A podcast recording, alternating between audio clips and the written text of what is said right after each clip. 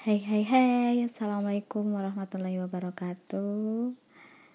Perkenalkan saya Dwi Sukwati This is my first podcast. Oke. Okay. Jadi di sini saya mau bikin podcast Kalian uh, Apa ya Memberikan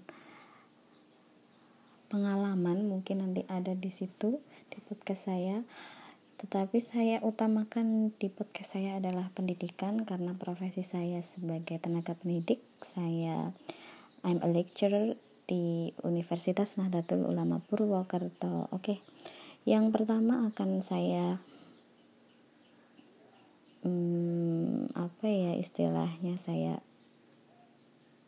isi podcast ini harus saya sampai bingung karena ini the first time untuk uh, membuat podcast ya jadi saya akan bercerita tentang Pancasila.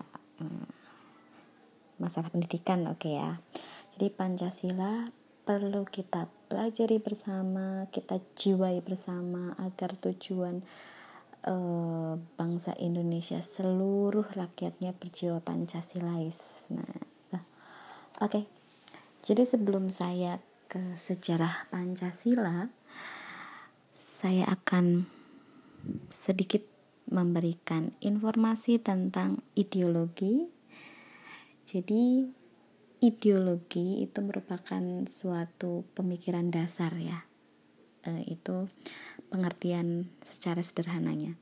Untuk jenis-jenis ideologi itu pada umumnya itu ada lima.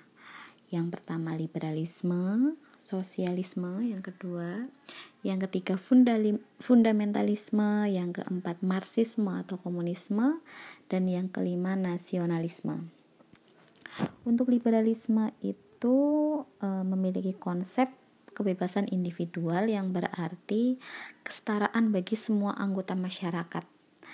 Dan di sini hak individu itu tidak boleh dicampuri oleh negara. Itu ciri khasnya liberalisme. Untuk sosialisme itu menganggap bahwa manusia adalah makhluk kreatif sehingga untuk mencapai kebahagiaan itu harus melalui kerjasama. Nah, hak milik untuk pribadi itu dibatasi.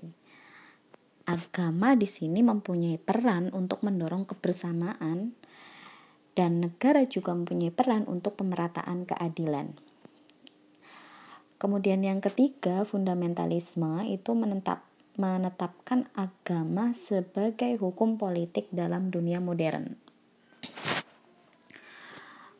Yang keempat, marxisme atau komunisme itu mengutamakan kebersamaan individu, hak pribadi tidak diakui. Prinsip utamanya adalah materialisme yang menyangkal adanya jiwa rohani dan Tuhan. Kemudian Marxisme atau komunisme ini bersifat otoriter dan monopoli. Yang terakhir adalah nasionalisme. Nah, nasionalisme ini tidak membedakan ras, suku, bangsa, dan mementingkan persatuan di atas individu. Ini adalah eh, jenis-jenis uh, ideologi. Kemudian berdasarkan sifatnya ideologi itu ada dua. Ada ideologi terbuka dan ada ideologi tertutup. Sorry putri saya batuk ya ini karena disambi momong. Jadi untuk ideologi terbuka ini mempunyai ciri-ciri uh, ideologinya itu merupakan kekayaan rohani moral dan budaya dan yang kedua, tidak diciptakan oleh negara, tetapi ditemukan di dalam masyarakat itu sendiri. Yang ketiga, menghargai eh, pluralitas sehingga dapat diterima oleh masyarakat luas.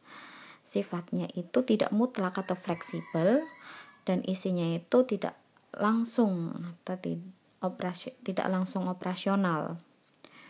Tidak mendikte gitu ibaratnya. Contohnya di sini yang mempunyai